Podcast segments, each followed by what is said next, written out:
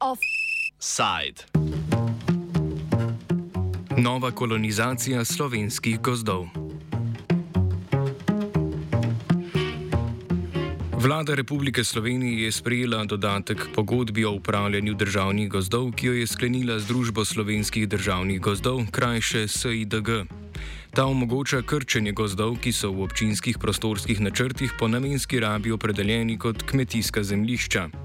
Ministrstvo za kmetijstvo, gozdarstvo in prehrano bo potem, ko družba SIDG ta zemljišča očisti dreves, preneslo lasništvo na sklad kmetijskih zemljišč in gozdov, kar omogoča, da se zemljišča koristijo v kmetijsko rabo. Vseh zemljišč, ki so po dejanski rabi gozdovi, po namenski pa kmetijska, naj bi bilo po neuradnih podatkih v Sloveniji med 40 tisoč in 70 tisoč hektarjev, ni pa jasno, kolikšen delež je v državni lasti. Izsekana zemljišča bi se na to prenesla na sklad kmetijskih zemljišč, ki jih daje v večletne najeme kmetom. Poleg tega je okoli 8500 hektarjev ali 14 odstotkov zemljišč, s katerimi že upravlja sklad, zaraščenih z grmovjem ali gozdom, a ta zemljišča niso predmet omenjene uredbe vlade.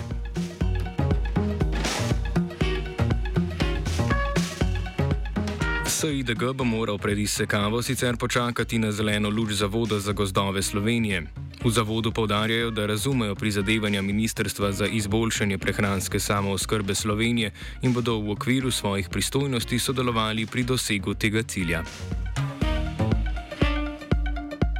Nevladne organizacije Cipra Slovenija, Društvo za opazovanje in proučevanje ptic Slovenije, Fokus in Humanotera so vlado pozvale naj takoj ustavi vse postopke, ki bodo privedli do masovnega poseka gozda, ter začne široko javno razpravo, v katero bodo vključene tudi okoljevarstvene organizacije. Nina Tomej iz Fokusa vidi problem v tem, da ni jasno, ali sploh obstaja interes za obdelovanje teh zemljišč. Predvsem zato, ker v zvezi s tem posekom uh, sploh ni, ni jasno, za katero zemljišče gre. Tudi ministrstvo samo um, priznava, da v bistvu ne vejo, da ni evidenc pravih. Uh, ne vemo, kakšna je sestava, um, funkcija gozda na teh zemljiščih, um, kakšne bodo posledice krčitve na stanje gozdov nasploh. Predvsem pa glede na pojasnila uh, kmetijskega ministrstva, ki govorijo o tem, da bi pač um, želja zadaj, da je dvig samozkrbe, se pravi um, uh, izražen, um, ni, ni, ni izraženega um, interesa, zaenkrat še ni izraženega interesa kmetov po obdelavi teh zemljišč. Niti ne vemo, za kako kvalitetna zemljišča z vidika kmetovanja sploh gre. In zaradi vseh teh nejasnosti um, in predvsem pred strahom, um, pred prevlado zasebnih interesov, um, pač smo pozvali vlado naj takoj ustavi vse postopke, um, pa predvsem odpre široko um, strokovno javno razpravo, v kateri treba pač vsa ta vprašanja razrešiti, preden se gre sekati gost. Ker je prihodnost teh zemljišč nejasna, obstaja strah, da po izsekavi ne bodo služile kmetijski dejavnosti. Uh, v bistvu je pri nas uh, v naši politiki tako, no, da um, zelo radi igramo oziroma igrajo na argument dviga prehranske samoskrbe, uh, ko hočejo krčiti gost, medtem ko na, na kvalitet, najkvalitetnejših kmetijskih zemljiščih pa potem rastejo razne lakirnice avtomobilov. Um, pa trgovine, takrat se na ta argument um, pozapa. Ne? In pač, ker so med zemljišči gotovo tudi take, ki so zanimive za, za pozidavo, bi rekel, da lahko na podlagi dosedanjih izkušenj sklepamo, da bo v primeru poseka um, prišlo do razno raznih pobud za spremembo namennosti te kmetijske zemlje.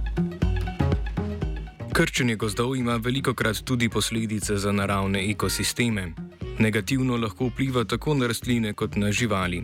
Tilen Baslej iz Društva za opazovanje in proučevanje ptic nam pojasni, zakaj ima sprememba ekosistema za ptice lahko velike posledice.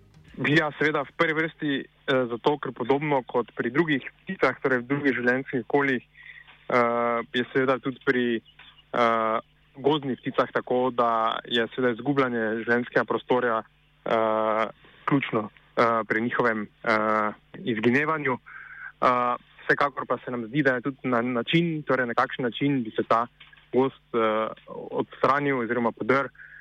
Uh, definitivno ni, ni, ni, ni spremljivo. Zaraščena kmetijska zemljišča se veliko krat nahajajo v bližini naselij in zato morajo biti vsi posegi skrbno načrtovani. Profesor Andrej Bončina z Biotehničke fakultete Univerze v Ljubljani je mnenja, da bi moralo ministrstvo pred kakršnim koli posegom v naravo točno vedeti, o kakšnem številu zemljišč je govora. Je pa, veste, vsako krčenje gozdov je silno občutljiva reč, ne, ker eh, posebno ti gozdovi, ne, to so gozdovi, ki so v bližini naselij v, ali pa v agrarnih krajinah imajo tak relativno večji pomen za, za ekološke in socialne, socialne uh, funkcije. Tako da, da je treba vsake krčitve, ne, ki so nekje dopustne ne, za kmetijsko rabo, recimo sploh pri kakšnih lastnikih gozdov, uh, ampak ne tako velikem obsegu, kot sem slišal to številko, ne treba preveriti. In, uh, in, in eh, ne, niso vse nikakor dopustne. Poleg tega se mi zdi, ne, da pri teh namerah je treba upoštevati veliko še, še druge, druge vidike, ne, ki jih je sprejela država. Ne, recimo uh, zaveza glede uh, ponorov CO2. Ne, v bistvu to tako dejanje bi zelo povečalo, pono, uh, bi, povečalo uh, bi zmanjšalo ponore ne, in ni skladno neko z, z, z drugimi dokumenti, ne, niti ni skladno z strategijami ne, z področja gozdarstva. Gozdna zemljišča, ki so po namenski rabi kmetijska, so ponavadi kmetovanju neprijazna oziroma so na težko dostopnih območjih. Ministr za kmetijstvo, gozdarstvo in prehrano Jože Podgoršek povdarja, da dodatek pogodbi ta zemljišča dela spet uporabna. Namen tega ukrepa je, da bi lahko tudi na državnih zemljiščih izvajali enake aktivnosti kot na zasebnih. Naj dodam, da tem dodatkom k pogodbi o upravljanju z gozdovi vlasti Republike Slovenije, ki smo ga dali na SIDG, v bistvu omogočamo samo to, kar je pri zasebnih lastnikih že tako ali tako dovoljeno. Torej, uh, vkolikor je nek lastnik pripravljen zemljišče dolgoročno uporabiti ponovno v kmetijsko rabo, lahko s soglasjem Zavoda za gozdove in v primeru, da gre za kmetijska zemljišča po katastru, potem to lahko tudi izkrčil in uporabljal. Sedaj je to veljalo za zasebne lastnike, s tem dodatkom k pogodbi pa bo to veljalo tudi za um, uh, zemljišča v lasti Republike Slovenije. Vendar tudi vsa zasebna zemljišča, zaraščena z gozdom, ki imajo možnost kmetijske uporabe, niso deležna velikega navala zakupnikov, zato je ukrep ministrstva še malce bolj nerazumljiv. Da je to na zasebnih zemljiščih že možno, pa kljub temu nimamo velikega popraševanja po takšnih krčitvah, odpravi zaraščanja ali celo krčitvah gozdov na zemljiščih, ki so po katastru kmetijska zemljišča.